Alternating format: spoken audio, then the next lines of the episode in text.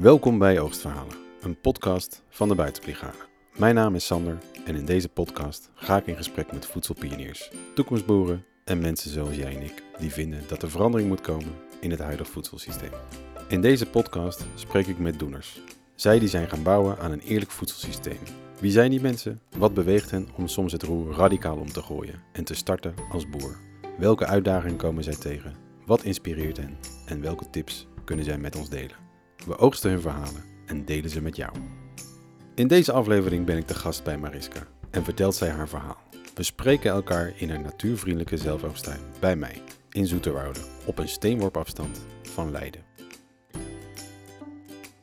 Mariska, welkom uh, bij de podcast. En deze, en deze podcast die, uh, die gaat over jou. We zijn uh, bij mij. Um, kan je me eens vertellen wat bij mij is? Op welke plek zijn we? Ja, we zijn, we zijn hier in Zoeterwoude. en bij mij is een, een zelfoogst tuinderij um, die ik vorig jaar heb opgezet um, op een stuk grond van mijn schoonouders.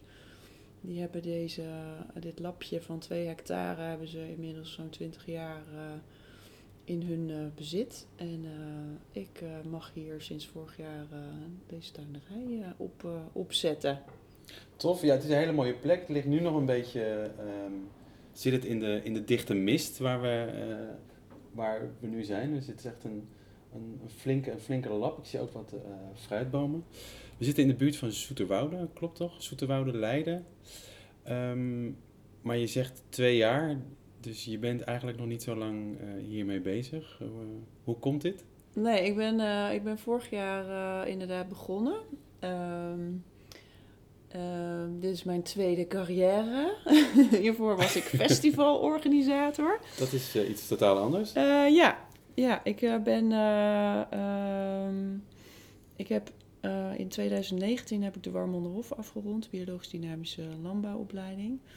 En uh, daar ben ik eigenlijk aan begonnen omdat ik wilde ontdekken wat, ja, wat wil ik nou eigenlijk met, met de landbouw en het voedselsysteem. En daar is natuurlijk ook een proces aan vooraf gegaan voordat ik überhaupt de stap zette om naar, om naar die opleiding te gaan. Um, maar dat heeft uiteindelijk dus geresulteerd in, in dat ik tuinder ben geworden. En het proces daarvoor af um, um, heeft, wel eventjes, heeft wel even geduurd. Het is best wel een lang traject geweest eigenlijk. Ik begon, nou ja, ik ben dus eh, begonnen op rond mijn uh, 20, 21ste als, als festivalorganisator. Um, ik had cultuur- en wetenschapsstudies gestudeerd in Maastricht en belandde in Rotterdam bij een heel leuk literair festival. En dat was eigenlijk een soort van ja, uh, bijbaan. En, en toen ben ik daarin blijven, blijven hangen. Dat beviel heel goed. Um, echt lekker in de stad ondergedompeld en in, de, in de culturele sector. En heel veel leuke mensen leren kennen. En, maar op een gegeven moment begon toch ook een beetje dat buiten, een beetje, begon ik een beetje te missen. Ik was wel als kind wel echt een beetje een buiten, buitenkind. Altijd in de tuin van mijn ouders aan het rommelen. En ik was ook een paardenmeisje. Dus was heel veel. Ik wilde ook heel graag. Vroeger wilde ik altijd boerin worden. Als kind, als je me vroeg wat wil je worden, dan was dat boerin. Maar dat had meer met de beesten te maken dan met, dan met dat ik me echt uh, realiseerde wat boer zijn inhield. Wat maar, heb je familie en achtergrond in de agrarische sector? Nee, helemaal niet. Nee, ja, ver, ver weg wel. Uh, maar ja, ik denk dat iedereen wel een, eh, een opa of overgroot opa heeft die een boerenbedrijf had. Maar niet heel bewust. mijn ouders komen uit Zeeland. We hadden wel altijd familieleden met stukjes land waar ze aardappels verbouwden en dat soort dingen. Maar niet, geen echte achtergrond of familiaire achtergrond in, de, in het boeren, boerenleven. Maar wel altijd een beetje een hang daarnaar. Ik voelde me buiten altijd fijner dan, uh, dan binnen eigenlijk. En, uh, maar ja, die stad die trok ook wel. En uh, op een gegeven moment ging ik dus ook echt geloven dat ik een stadsmeisje was. Dus lekker op mijn fietsje door de stad, de stad crossen. En theaters in en uit. En, um, en toen op een gegeven moment toen, was ik op zoek naar een nieuwe baan. En toen hadden ze bij Oerol, het Oerol Festival, hadden ze een, hadden ze een vacature. En ik dacht, nou, doe eens gek, ik solliciteer. En eh, ik werd gewoon aangenomen, tot mijn grote verbazing. Dus toen belandde ik op het Oerol Festival op Terschelling. En daar heb ik een jaar of acht gewerkt. En daar kon ik weer lekker buiten spelen. Want dat is natuurlijk een ja, festival in het landschap. En ehm, ik deed daar de projecten, eigenlijk de wat kleinschalige projecten met kunstenaars die echt... Um, landschaps, landschapskunst uh, maakte. En ik kwam ook weer heel erg in contact met de, met het lokale gemeenschap. Dus um, ja, we moesten locaties zoeken en dat was vaak met, met boeren of met andere leuke mensen van het eiland. En nou, die plekken moesten allemaal vormgegeven worden. En ik, ik was weer heel erg in gesprek met, met die mensen. En het ging ook heel erg over het landschap. heel veel projecten gingen heel erg over uh, over de plek en over gemeenschap en over voedselproductie en over natuur. Um, en uh, zo kwam ik weer een beetje in, uh, in aanraking met, nou ja, met, het, met het buiten zijn. En, um, en tegelijkertijd was een vriend van mij, Bas de Groot, die was in Rotterdam bezig met het opzetten van, van een stadslandbouwbedrijf. Uh, dus die was midden in de stad, ging die boer worden. En dat sprak me ook wel heel erg aan. En hij vroeg op een gegeven moment aan mij of ik daar programma voor wilde maken voor zijn, voor zijn bedrijf. Dus hij, um, hij wilde daar niet alleen voedsel verbouwen en een restaurant opzetten, maar hij wilde ook graag met burgers in gesprek over waar komt je eten nou vandaan en uh, wat voor dilemma's spelen daar allemaal en welke keuzes maak je daarin. Dus toen ben ik een programmaatje met lezingen en, uh, en diners op gaan zetten daar. En toen kwam ik heel erg in aanraking met dat, met dat thema voedsel. Uh, en kreeg ik ook als consument eigenlijk steeds meer vragen over waar, ja, waar komt mijn eten nou eigenlijk vandaan. Toen ging op een gegeven moment in de supermarkt echt de verpakking staan lezen van waarom komt dit vlees uit Argentinië. En dan ging ik de, de slager van de supermarkt allemaal ingewikkelde vragen stellen die daar helemaal niet op zat te wachten. En uh, dus dat thema ging bij mijzelf als consument ook steeds meer spelen. En intussen tijd ben ik ook een festival in Rotterdam zelf op gaan zetten. Duizel in het Park heet dat. Um, en dat was in de Stadspark in Rotterdam. En dat was aan de ene kant literatuur en muziek, maar aan de andere kant hadden we ook altijd um, uh, maatschappelijke thema's. Dus dat ging dan over eenzaamheid, maar ook over biodiversiteit in de stad en over, ook over voedsel. Dus we hebben ook een project gedaan uh, over schadedieren. Dus er worden heel veel um, ganzen geschoten in Schiphol en er gebeurt eigenlijk niks mee.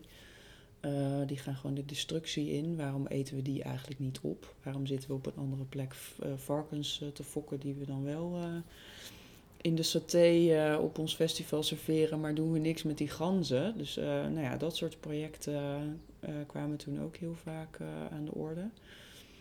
En, um, en in de tussentijd leerde ik een melkveehouder kennen op een feestje. Harry uit Papenkop. Um, Papenkop, nog nooit van gehoord. Ik wist echt niet waar het lag, maar het lag best wel dichtbij eigenlijk. Waar ligt het? Bij Woerden. Bij Woerden, oké. Okay. Ja, uh, tussen Woerden en Oudewater ongeveer in. En ik werd verliefd op, oh, ik werd verliefd op Harry. en een jaar later woonde ik op zijn boerderij. en toen zat ik opeens midden in het platteland. Ehm, wel in de Randstad, maar wel gewoon echt in het boeren, boerenland met alle boeren. Uh, thematieken die daar speelden. En, ehm, dus ik heb twee jaar bij hem op zijn boerderij gewoond en ook meegewerkt. En tegelijkertijd organiseerde ik ook nog het festival in Rotterdam. En, was maar, hij, wat voor boer was hij? Hij was gangbaar melkveehouder. En wat deed dat met je, met je gedachten? Want je, je, je, komt op een hele nieuwe plek waar je misschien dingen van hebt gelezen. En dan ga je het ervaren. Ja. Nou, ik was uh, ten eerste al uh, enorm uh, Boer zoekt vrouw fan. dus ik keek altijd heel fanatiek naar Boer zoekt vrouw. Dus ik had natuurlijk mijn eigen romantische beeld gevormd van hoe het is om op een boerderij te wonen. Ook al als kind had ik dat natuurlijk, dat romantische beeld. Lekker met beestjes en uh, schaapje. Hij had schapen en varkens en, uh, en koeien en uh, een hond en kippen. En nou ja, het hele plaatje eigenlijk. Maar nou ja, toen ik, daar, toen ik daar kwam zag ik ook wel dat die varkens toch eigenlijk niet in een heel fantastisch hokje ergens in een donkere schuur binnen zaten en nooit naar buiten kwamen. Die waren dan, kwamen als biggetjes binnen gingen vervolgens na drie maanden vetgemest weer de vrachtwagen in naar het slachthuis. Um, de koeien hadden, hadden gelukkig wel een fantastisch leven bij hem. Die kon, konden gewoon nog lekker naar buiten en uh, hadden het best wel, uh, best wel prima. Uh, maar ja, ik zag ook daar inderdaad wel de, de wat minder rooskleurige kanten van, van het boerenleven. koetjes die struikelden en hun been braken en vervolgens um, afgeslacht moesten worden. Afgeslacht. uh, geëuthaniseerd moesten worden. Nou ja, allemaal, er gebeurde van alles op dat bedrijf. Maar ik vond het eigenlijk, eigenlijk heel fijn, want het was heel erg hands-on. En uh, uh, ja, als er s'avonds laat iets, uh, iets gebeurde, als er een koe moest bevallen en dat ging niet lekker, dan moest meteen, moesten we aan de slag om keizersneden uit te voeren. En nou ja, gaan, gaan met die banaan, zeg maar. En dat vond ik, dat vond ik echt heel erg, heel erg leuk daaraan. En dat miste ik ook wel uh, in mijn Rotterdamse leven. Dat ik toch, ik zat toch heel vaak gewoon achter de laptop en, uh, en uh, achter de telefoon. Zelfs mijn werk voor het Oerenfestival was heel erg computer, computerwerk. Ik zat eigenlijk gewoon bijna elf maanden lang achter een laptop. En één maand was ik lekker, was ik lekker buiten aan het spelen slag. op de Schelling. Ja. ja, en dat gold hetzelfde voor, de, voor dat festival in Rotterdam. Ik, was, ik had wel vaak locatiebezoekjes met kunstenaars en met mensen, maar ik was toch vooral. Uh, zat ik uh, binnen achter mijn telefoon. En dat, dat vond ik heel fijn van dat bedrijf uh, bij hem. Dat je, dat je gewoon, ja, ik was iedere dag hartstikke veel buiten en lekker in de modder. En het maakte ook niet uit hoe ik eruit zag. Ik trok gewoon overal aan en gaan. En, gaan. en, en dat, dat vond ik echt, echt heerlijk. En tegelijkertijd, hij leek heel erg open te staan aan het begin van onze relatie. Dus ik, ik kwam natuurlijk met heel veel nieuwe ideeën en met heel veel input kwam ik, uh, kwam ik bij hem binnen. En dat vond hij op het begin allemaal heel leuk en, uh, en grappig. Uh, wij vonden me vooral heel grappig, volgens mij. maar, en ik was natuurlijk met Bas, was ik nog steeds met die programma's bezig. Hij was ondertussen weg bij Uit Je Eigen Stad, maar wij hadden een klein projectbureautje opgezet om nog steeds wel aan dat soort, uh, uh, met dat soort thematiek aan de slag te gaan. Ja, want er kwamen laatst ook foto's tegen van volgens mij kippenslachten op de Heemraadsplein. Ja, ja, klopt. Wat ja. is dat? Ja, hij heeft, uh, dat was echt wel zijn, zijn project. Hij had op een gegeven moment geloof ik iets van 50 kippen, die kon je adopteren. en dus dan had je je eigen vleeskip geadopteerd als kuikentje en die bracht hij dan groot. En dan uiteindelijk kon kreeg je het vlees van je eigen kip. En je mocht er ook voor kiezen om dan zelf uh, te slachten. En dat deed natuurlijk lang niet iedereen, maar uh, dat kon wel. Dus toen hebben we inderdaad op Gimmerraadsplein tijdens, uh, tijdens de oogstmarkt, een hele leuke boerenmarkt in, in Rotterdam, hebben we kippen geslacht. Hele heisa natuurlijk, ook, ja, ook best wel veel um, veel weerstand van, uh, van mensen die dat toch wel een beetje heftig vonden. Um, dus Bas kreeg ook meteen natuurlijk de wethouder op zijn dak. En uh, nou ja, uh, ook, ook wel veel, veel romslomp. Maar ja, dat, was, dat gaf ook wel weer aan hoe weinig mensen eigenlijk nog betrokken zijn bij dat hele proces van nou ja, een kipfiletje in de supermarkt in een folietje komt er niet zomaar, zeg maar. Nee, daar gaat een heel proces aan vooraf. En dat wilde Bas heel graag uh, inzichtelijk uh, maken. Dus ik heb inderdaad uh, mijn eigen kip staan slachten op, op het, Heemraadsplein. op het Heemraadsplein in Rotterdam. Super heftig, maar ook een hele, hele bijzondere, ja. bijzondere ervaring. Ja. Wanneer kwam de omslag van het festival naar op zoek gaan om meer te leren over de landbouw, wat uiteindelijk eindigde in het Warmonderhof? Um, nou ja, dat is eigenlijk wel begonnen met, uh, met uh, op dat melkveebedrijf. Um, daar ontdekte ik weer hoe fijn het is om buiten te zijn en hoe graag ik dat eigenlijk wilde, hoe, hoeveel beter dat bij me paste. Die relatie die ging uit, dus ik belandde weer in mijn appartementje in de stad. En de muren vlogen tegen me op en ik had wel een tuintje, maar dat vond ik ook allemaal heel erg beklemmend en klein en uh, vreselijk dat de buren ook in de tuin zaten. En dus dat, dat voelde niet goed meer. En uh, toen dacht ik, ja, moet ik het dan zelf, moet ik het dan zelf gaan doen? Moet ik dan zelf op ontdekkingstocht naar hoe ik hier vorm aan ga geven? En toen ontmoette ik mijn huidige partner, Maarten. En ehm, ja, en die, uh, die heeft zelf ook een carrière switch gemaakt op, uh, op een wat latere leeftijd. Uh, die is van ICT'er naar homeopaat gegaan. Wel echt wow, een hele andere, andere omslag. Maar ehm, hij stimuleerde me heel erg om dat uit te gaan zoeken. Om daarmee aan de slag te gaan. En om in ieder geval te gaan ontdekken van wat, ja, wat wil je. En, en ja, blijf je... Ehm, blijf je festivals organiseren en op die manier vormgeven aan uh, je idealisme? Of ga je, of ga je toch een ander pad bewandelen? En toen ben ik naar de open dag van de Warmonderhof gegaan en gaan kijken van past dit eigenlijk bij me? En toen in eerste instantie dacht ik, hmm, ik weet het niet. Wel heel erg geitenwolle sokken, misschien toch niet helemaal mijn ding. Uh, nog een keer naar de open dag gegaan. En daar werd ik eigenlijk toen toch wel heel erg enthousiast van. Omdat ik gewoon heel veel hele leuke mensen ontmoette. Die allemaal op dat keerpunt stonden. Allemaal het idee hadden van uh, ik wil iets anders met mijn leven. En uh, ik wil iets doen. Ik wil iets aan dat voedselsysteem veranderen. En toen toch besloten om de opleiding te gaan doen. En in, twee jaar, in twee jaar tijd eigenlijk uit te zoeken van wat wil ik er echt iets mee.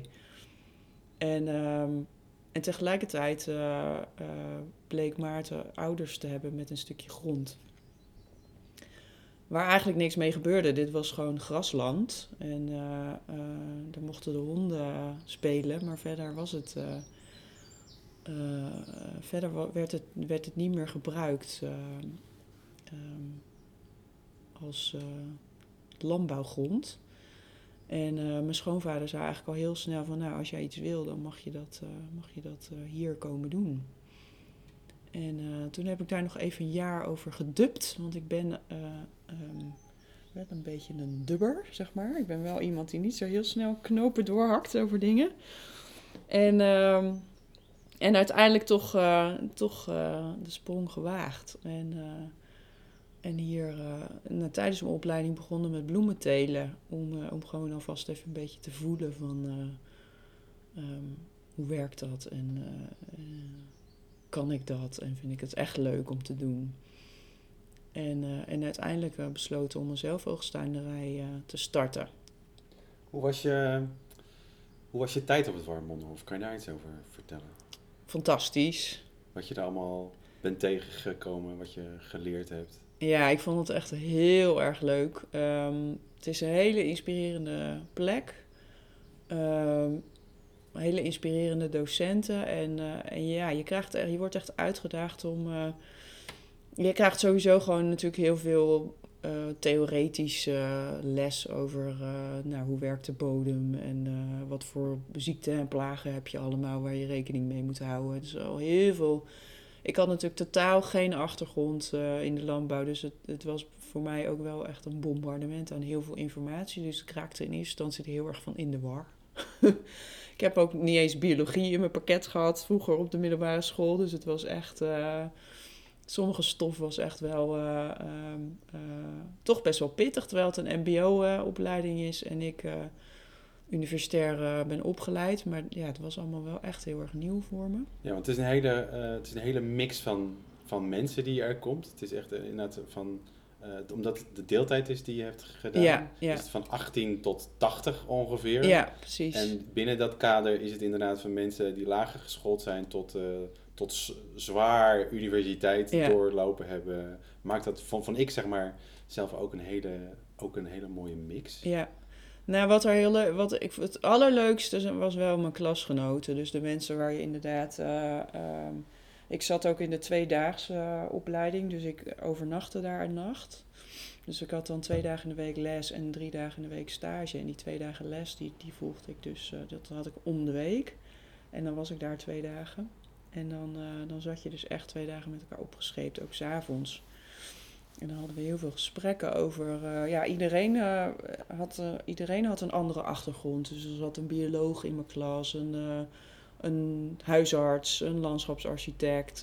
nou, allemaal verschillende soorten achtergronden. dus je hebt hele leuke gesprekken met iedereen. En ik vond het een hele inspirerende, inspirerende tijd. Ja.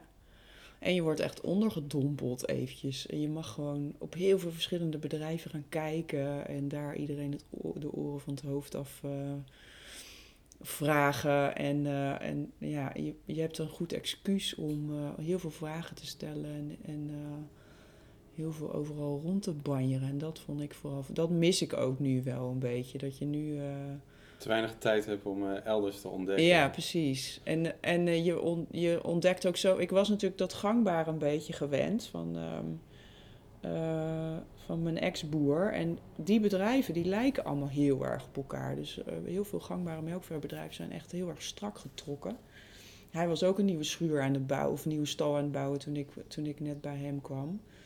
En ehm, en die bedrijven van, bio, uh, van biologische boeren en vooral van biologisch dynamische boeren hebben veel, uh, hebben echt een karakter. Die, die zijn echt vormgegeven naar de, naar de boer of naar de tuinder. En, uh, en zijn heel verschillend van elkaar. En dat vond ik ook heel gaaf om te zien. Van ja, je kan dus echt wel. Um, je bedrijf kan gewoon vorm, kan je vormen naar jezelf of naar wat past bij jou en naar de plek. Of gaat het er op een gegeven moment uitzien naar de boer uh, die er woont. Dat kan natuurlijk ook. Zeker ja. Als je naar de, een misschien wat meer biologisch dynamische boer gaat, die heeft natuurlijk een ander, die kijkt anders naar een erf. Ja, dan, ja dat is het misschien wel. Ja, ja. Dit gaat helemaal niet over, het gaat niet per se over efficiëntie. Natuurlijk moet je natuurlijk, ja, je moet gewoon heel hard werken en heel veel doen. Dus het moet een bepaalde vorm van efficiëntie hebben. Maar het is niet alleen maar dat. Het is ook. Uh, je maakt ook onderdeel uit van een omgeving en uh, je bent zelf een bepaald persoon. En uh, um, dat vond ik heel gaaf om te zien, dat je, dat je gewoon op zoveel verschillende plekken komt die allemaal zo'n andere, ander karakter hebben, andere bedrijfsindividualiteit. En um, um, ja, dat vond ik een hele leuke periode.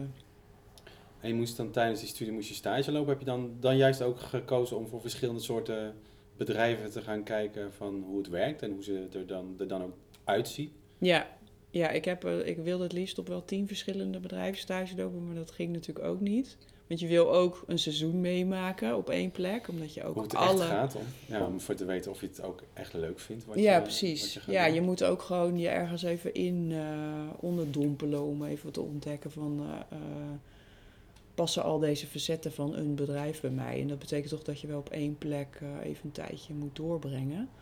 Ik heb uiteindelijk op drie verschillende plekken stage gelopen. Uh, mijn eerste stage was uh, Moestuin Leiduin. Een zelfoogst tuinderij in, vlak onder Haarlem. Mijn tweede plek was um, Bloementuin Zwolle. Een biologisch bloemen, bloementeeltbedrijf. Ook omdat ik die bloemen toch wel echt heel erg leuk vond en daar meer van wilde leren.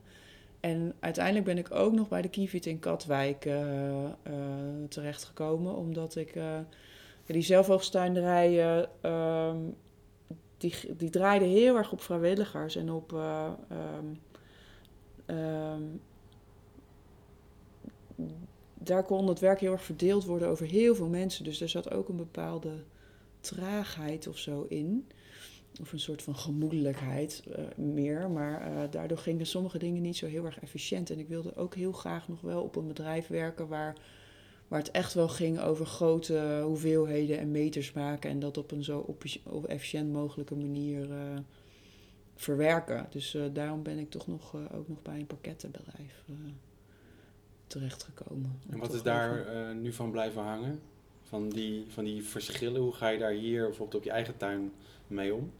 Ja, dat je het uiteindelijk toch weer op je eigen manier doet. Um, nee, ja, ik heb gewoon zoveel praktische dingen geleerd. Dat gaat veel meer over ja, praktische, eh, praktische dingen dan, eh, dan over iets eh, heel meta's of zo.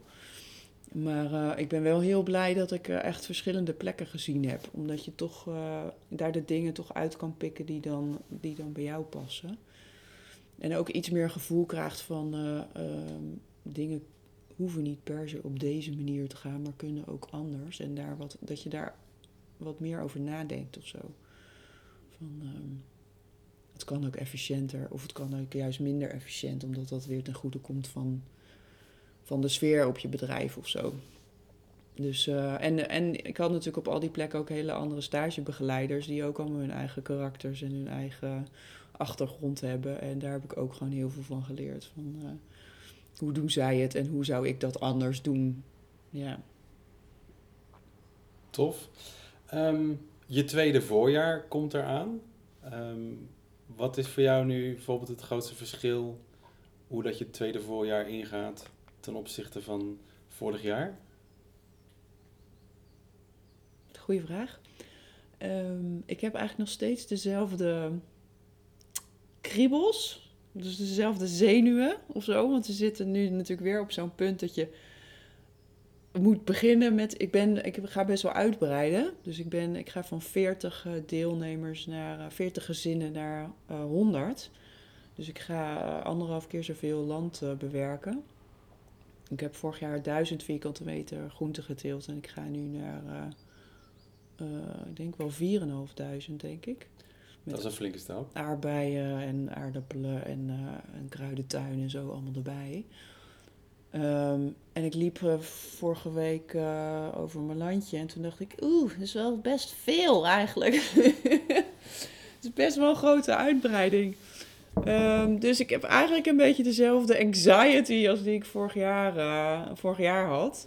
Nog geen paniek, maar wel spanning. Nee, geen paniek inderdaad. Gelukkig. Geen paniek. Um, maar ik weet inmiddels wel dat het goed komt. En dat er al mensen zijn die uh, in deze omgeving die dit ondersteunen en die dit leuk vinden. Vorig jaar had ik natuurlijk rond deze tijd had ik ook nog geen deelnemers. Had ik net, volgens mij had ik eind februari mijn eerste informatiebijeenkomst. En uh, nu begin ik al met 80 gezinnen die al, uh, die al deelnemer zijn geworden. Dus dat is wel echt een heel groot verschil.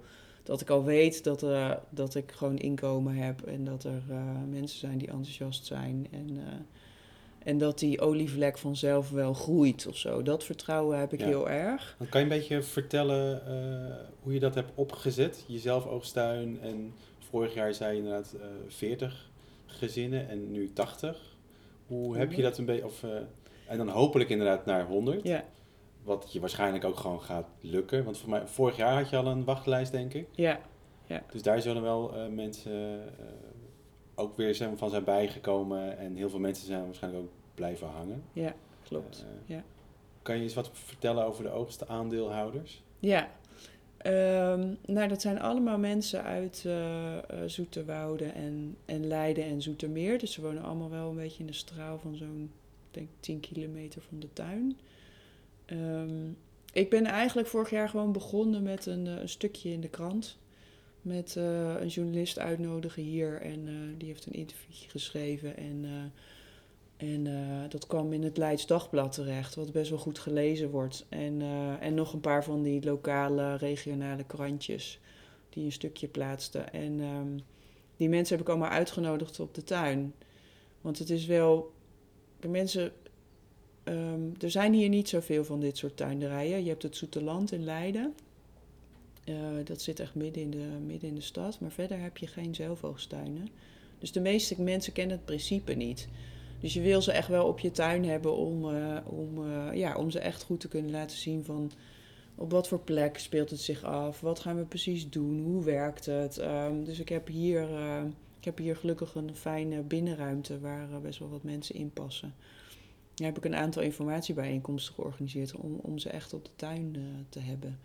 En om dat verhaal eigenlijk uh, te vertellen. En um, van die mensen die op die informatiebijeenkomsten geweest zijn, uh, is bijna iedereen lid geworden. Ik geloof dat één, één dame afgehaakt is. Of niet, uiteindelijk toch niet lid geworden is, maar de rest allemaal wel.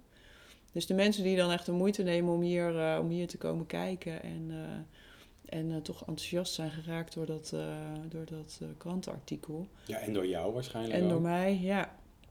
Die zijn, die zijn allemaal, ehm, eh, allemaal gebleven. En van die mensen zijn, is, bijna iedereen, dus van die mensen die vorig jaar lid zijn geworden, is bijna iedereen ook weer dit jaar deelnemer geworden. Er zijn een paar afgehaakt, maar eentje ging verhuizen en de ander werd zwanger van een derde kindje. En dus eh, ehm, de meeste mensen eh, zijn er komend jaar ook gewoon, eh, ook gewoon weer bij. Dus, ehm, en ik heb het voordeel dat ik natuurlijk door mijn festivalachtergrond heb ik, heb ik best wel veel ervaring met communiceren met mensen. Dus ik, ik, ehm, ik ben heel, heel actief bezig met, met die mensen ook echt eh, meenemen in het verhaal van de tuin. Dus ik stuur echt heel veel oogstberichten en nieuwsbrieven en maak heel veel foto's. En ja, ik probeer gewoon dat ja, echt, eh, echt ze mee te nemen in eh, wat gebeurt er nou precies en waarom. Ja, nou, dat zie je ook. want Je hebt een fantastische site, vind ik ook. Het ziet er echt heel strak uit. Ja, ja, en daar heb ik ook echt wel in geïnvesteerd. Dat heeft best wel veel geld gekost.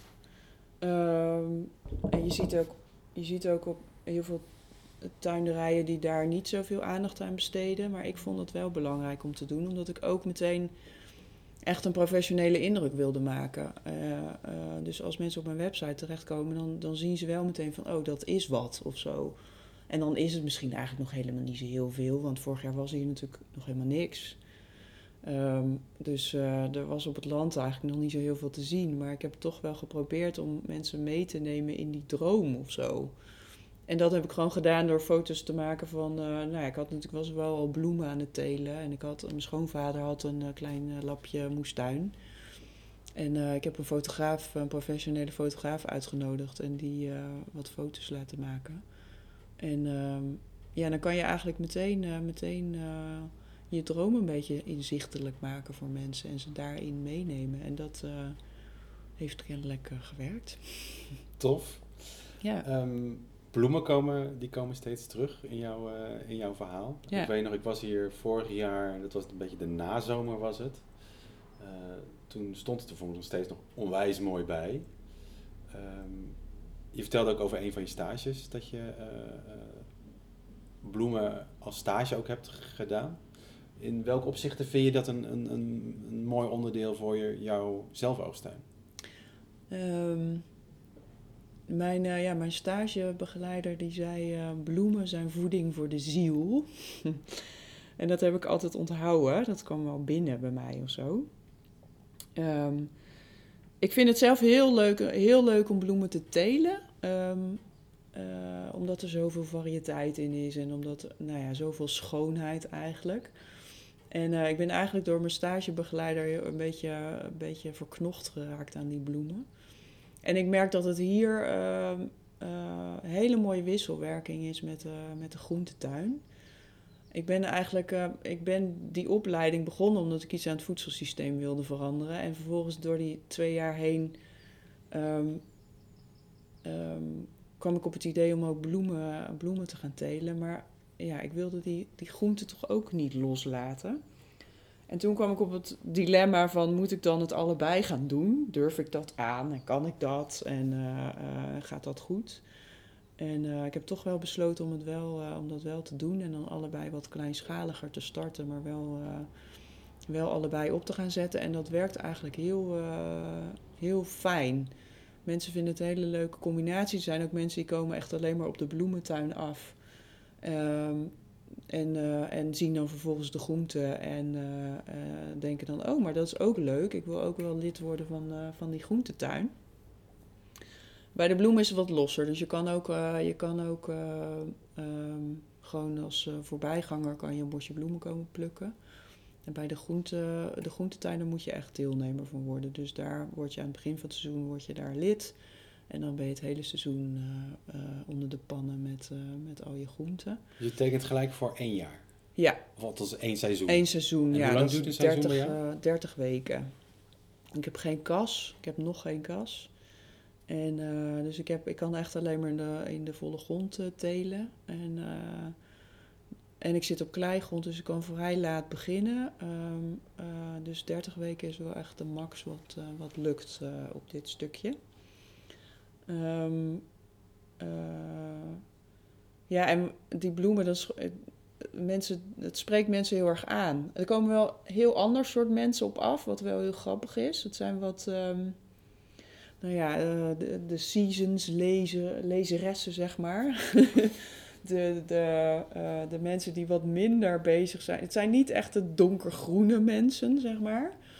Eh, maar ze zijn wel meteen enthousiast als ze hier komen. Ze vinden het meteen heel fijn om hier te zijn en hier een rondje te lopen. En, uh, waardoor je die mensen toch ook weer een beetje verleidt om, uh, nou ja, om, om ook bijvoorbeeld groenten bij je af te gaan nemen.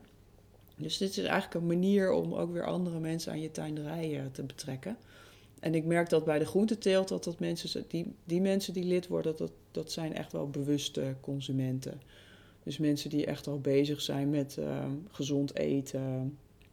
Uh, die ook bewust zijn van wat er allemaal gaande is in de landbouw en, en, uh, en de natuur in Nederland. En, of mensen die bijvoorbeeld kinderen hebben waarvan ze graag willen dat die wat meer leren waar hun voedsel vandaan komt. Dus zelf worteltjes uit de grond trekken en dus dat zijn wel ander soort consumenten al dan uh, de mensen die op de bloementuin afkomen. En ik vind het dus wel leuk om, uh, om die een beetje met elkaar in contact uh, te brengen.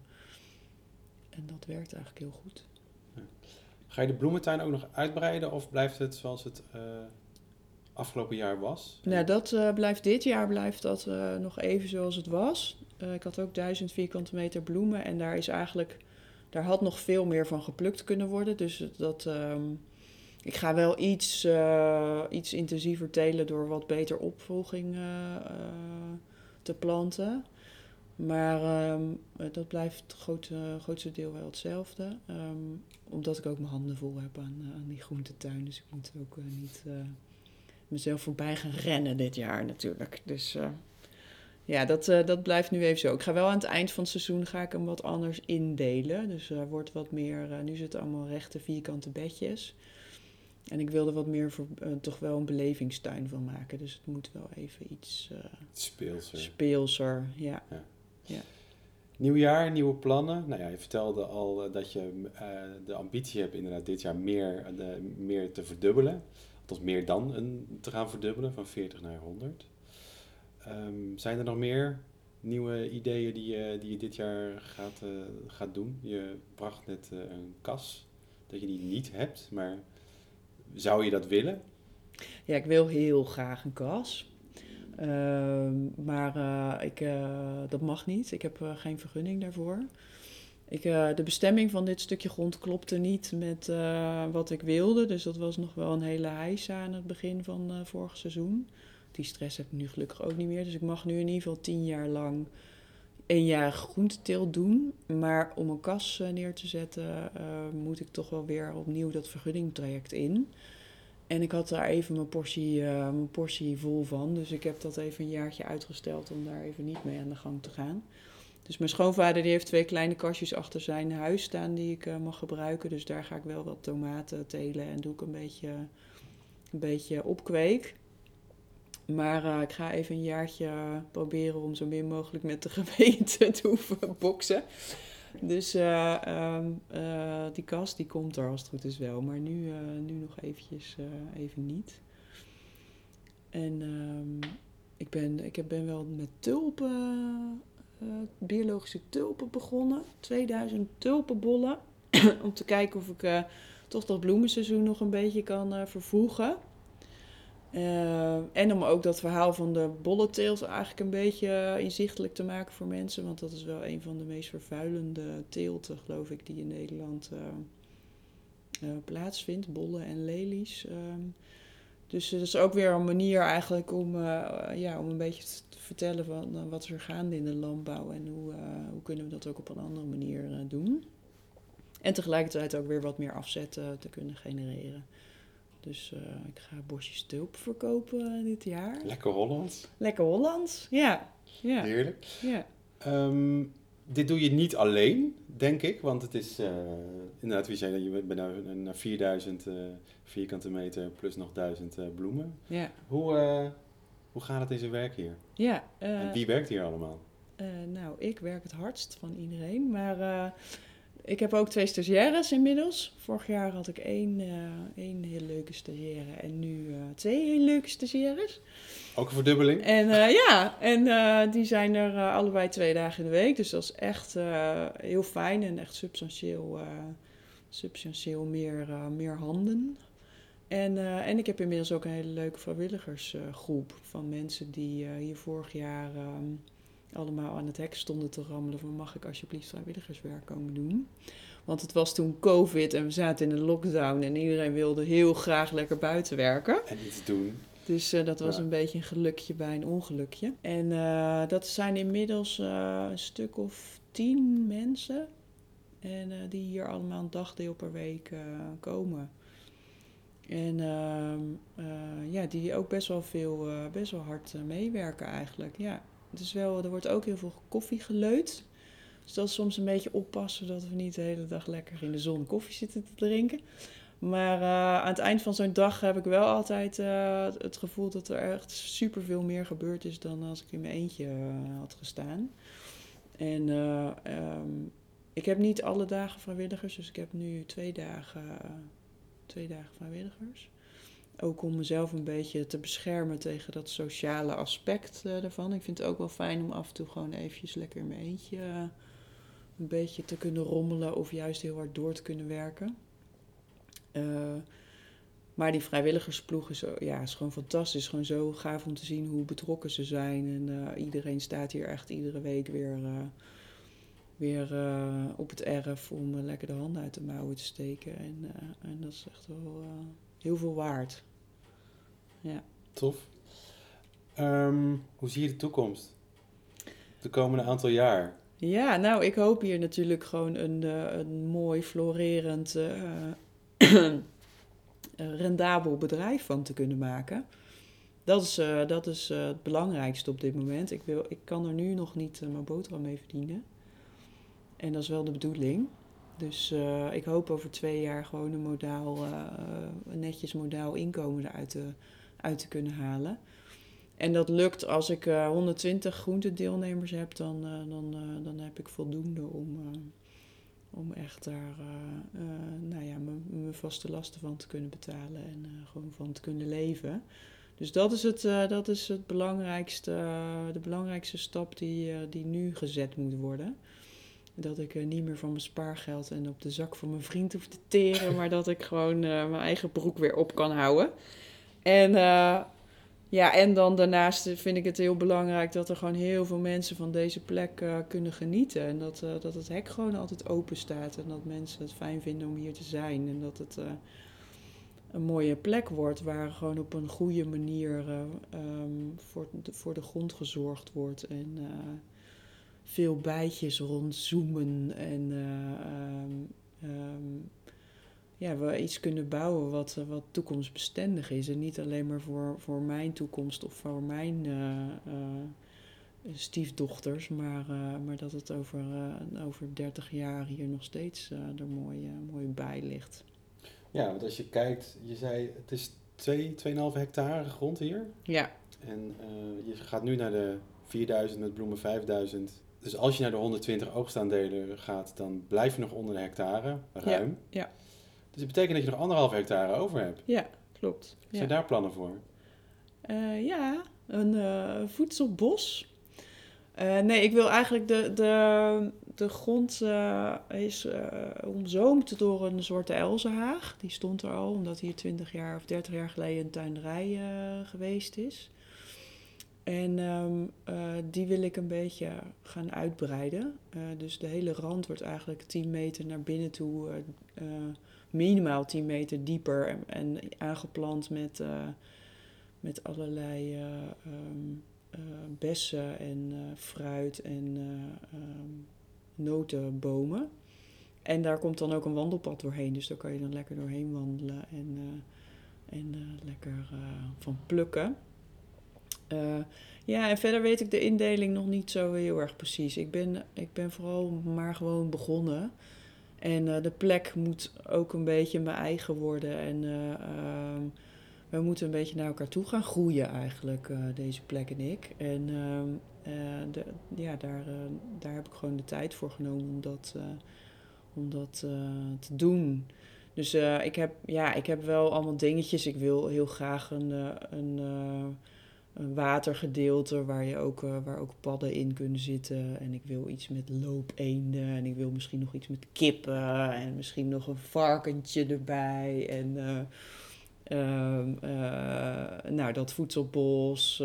nou ja, van alles. En dat moet zich allemaal een beetje gaan vormen. Dus ik weet, ik weet nog niet precies hoe dat gaat uitpakken. Dat wordt een mooie ontdekkingstocht. Komt er ook nog een stuk uh, oude Mariska in terug? Festivaldirectrice, programmamaakster. Um, gaan we dat nog terugvinden hier? Ja. ja, ik hoop ook in de toekomst wel wat meer ruimte te krijgen om echt het verhaal te vertellen van waarom ik dit doe en, uh, en waar ik in geloof. Um, en hier bijvoorbeeld ook programma's organiseren, dus lezingen of filmavonden of dat soort, dat soort dingen. Ik ben nu ook bijvoorbeeld in contact met een uh, geloofsgemeenschap uit, uit uh, Leiden, Ecclesia, een hele leuke club. En die willen eigenlijk ook wat meer vormgeven, vormgeven aan hun ambitie om met duurzaamheid bezig te zijn. En met hun ben ik ook in gesprek over ja, om dat soort dingen te gaan organiseren. En om ook meer de verbinding tussen stad en platteland te maken. Kijk, ik zit hier natuurlijk toch best wel in het buitengebied. En uh, de, de stedelingen of de mensen uit Leiden, die zijn hier toch nog best wel een beetje lastig naartoe te krijgen. Dus ik hoop bijvoorbeeld met hun daar een eerste stap mee te kunnen zetten. Dat, uh, dat, uh, dat zij wat mensen deze kant op kunnen verleiden. En, en dat we dan hier leuke, leuke dingen kunnen doen. Workshops, lekker eten met z'n allen nou ja, eigenlijk, uh, eigenlijk dat, soort, uh, dat soort dingen. Uh, meer het verhaal vertellen dan het, het daadwerkelijk doen. En dat doen en het laten zien, dat hoort er wel bij. Maar dat andere stukje vind ik ook, vind ik ook belangrijk. Want ik vind ook, ja, ik, ik ben hier voor, nu voor 100 gezinnen aan het, aan het telen. En ehm, ik wil die olievlek wel graag wat, wat verder uitspreiden dan alleen die mensen. Dus dat is wel ja, dat is wel een toekomst, uh, toekomstdroom. Klinkt goed. Um, nou ja, betekent dat je ook nog veel gaat leren de komende tijd. Uh, hoe pak je dat aan om jezelf scherp te houden? Uh, waar haal je je informatie vandaan? Wie zijn je eh, idolen bijvoorbeeld waar je naar kijkt? kan je daar iets over vertellen? Um, ja, ik kijk heel veel YouTube-filmpjes en ik heb heel veel contact met oud-klasgenoten. Um, uh, ik ga nog steeds in de winter wel echt op bezoek bij, uh, bij uh, andere tuinders en op andere bedrijven. Ik leer toch echt het meest door op andere bedrijven rond te lopen en, en daar heel veel te zien en, en heel veel te vragen, heel veel vragen te stellen. En ik zit in heel veel appgroepjes ook met mensen waar dan heel praktisch uh, van alles uitgewisseld wordt. Over, hoe zat het ook alweer met compost en, uh, en met kalk? Uh, hoeveel stal jij uit en waarom? En, dus er wordt heel veel, er wordt heel veel dat is ook een netwerk wat je opgebouwd hebt door je opleiding en door al die bedrijven waar je stage gelopen hebt en rond hebt gekeken. En dat netwerk is heel, heel erg waardevol. En ja, daarnaast, uh, ik kom de, het afgelopen jaar ben ik niet echt veel toegekomen aan, uh, aan boeken lezen, maar uh, ik volg wel Jean-Martin Frittier, de market gardener uit Canada, en Richard Perkins uit Zweden. Dat zijn wel mensen die, ja, waar ik wel, waar ik wel naar kijk en waar ik wel dingen uit oppik. En ik doe lang niet alles nog op die manier. Of ik neem ook niet alles over. Maar um, ik ben nu nog. Ik, ik zie mezelf ook nog niet echt als een tuinder. Ik ben nu nog vooral een organisator die groente teelt. Maar uh, um, ja, je gaat langzaamaan uh, ga je het steeds meer op je eigen manier doen. En ga je daar de dingen uitpikken die, je, die bij jou passen en die bij jouw grond passen. En uh, um, ik zie hier ook steeds meer wat er wel en wat er niet werkt. Ik ben nu nog heel veel aan het vrezen, maar daar wil ik eigenlijk wel van af. Um, uh, ja, hoe ga ik dat aanpakken? Dus uh, ik, ja, ik probeer, uh, probeer zoveel mogelijk toch naar andere mensen te kijken. En dan heel langzaam, stapje voor stapje, te, dat op mijn eigen grond toe te gaan passen. Um, Maar je moet wel oppassen dat je niet eh, in de zomer te veel eh, eh, naar beneden zit te staren op je knietjes in een bed. Je moet toch ook wel inderdaad een beetje open proberen te blijven staan voor dat eh, ehm, eh, die balans daarin zoeken is wel een belangrijk speerpunt. Als, ik heb nog één, nog één vraag voor je. En dan eh, in ieder geval alvast dank voor de tijd en, en je verhaal. Ehm, wat wil je andere nieuwe boeren, eh, polderpioniers, eh, jonge tuinders meegeven die met de gedachte zitten om misschien te gaan beginnen eh, deze wereld in te stappen? Vooral doen. Ga eens doen. Ik heb heel lang zitten twijfelen zelf of ik het wel echt aandurfde en of ik het wel echt moest doen en of ik wel echt tuinder was. Ehm, ga doen en ga het zelf ontdekken. En eh, zoek een stuk grond. Dat is natuurlijk het allerlastigste. Daar ben ik natuurlijk met mijn neus in de boter gevallen. Maar eh, ja, ga het doen en ga ermee aan de slag. En het hoeft niet in één keer perfect te zijn. Ehm, ik denk dat dat het belangrijkste is. En vertel je verhaal. Probeer dat ook een beetje ehm, bij burgers eh, onder de aandacht te brengen. En probeer die mensen er zoveel mogelijk bij te betrekken. Want dat is eigenlijk het belangrijkste. Dat is de enige manier waarop we wat gaan veranderen. Als, als consumenten eh, gaan stemmen met hun portemonnee. En, eh, en dat doe je door gewoon persoonlijk contact met ze te maken. En persoonlijk met hun in gesprek te gaan. Ja, maar vooral ga aan de slag. Thanks. Thanks Mariska. Ehm dankjewel op deze mooie plek bij mij. Ehm, dus mensen die hier in de buurt wonen, die kunnen nog bij jou een oogstaandeel eh, krijgen. Dus er is nog ruimte. Dat, eh, dat kan waarschijnlijk gewoon via jouw website. En jouw website is www.bij-mei.nl volgens mij. Ja, en dan is de mei met een korte ei, dus van de maand mei. Mariska, dankjewel. Graag gedaan. Tot, eh tot snel. Ik blijf je sowieso volgen.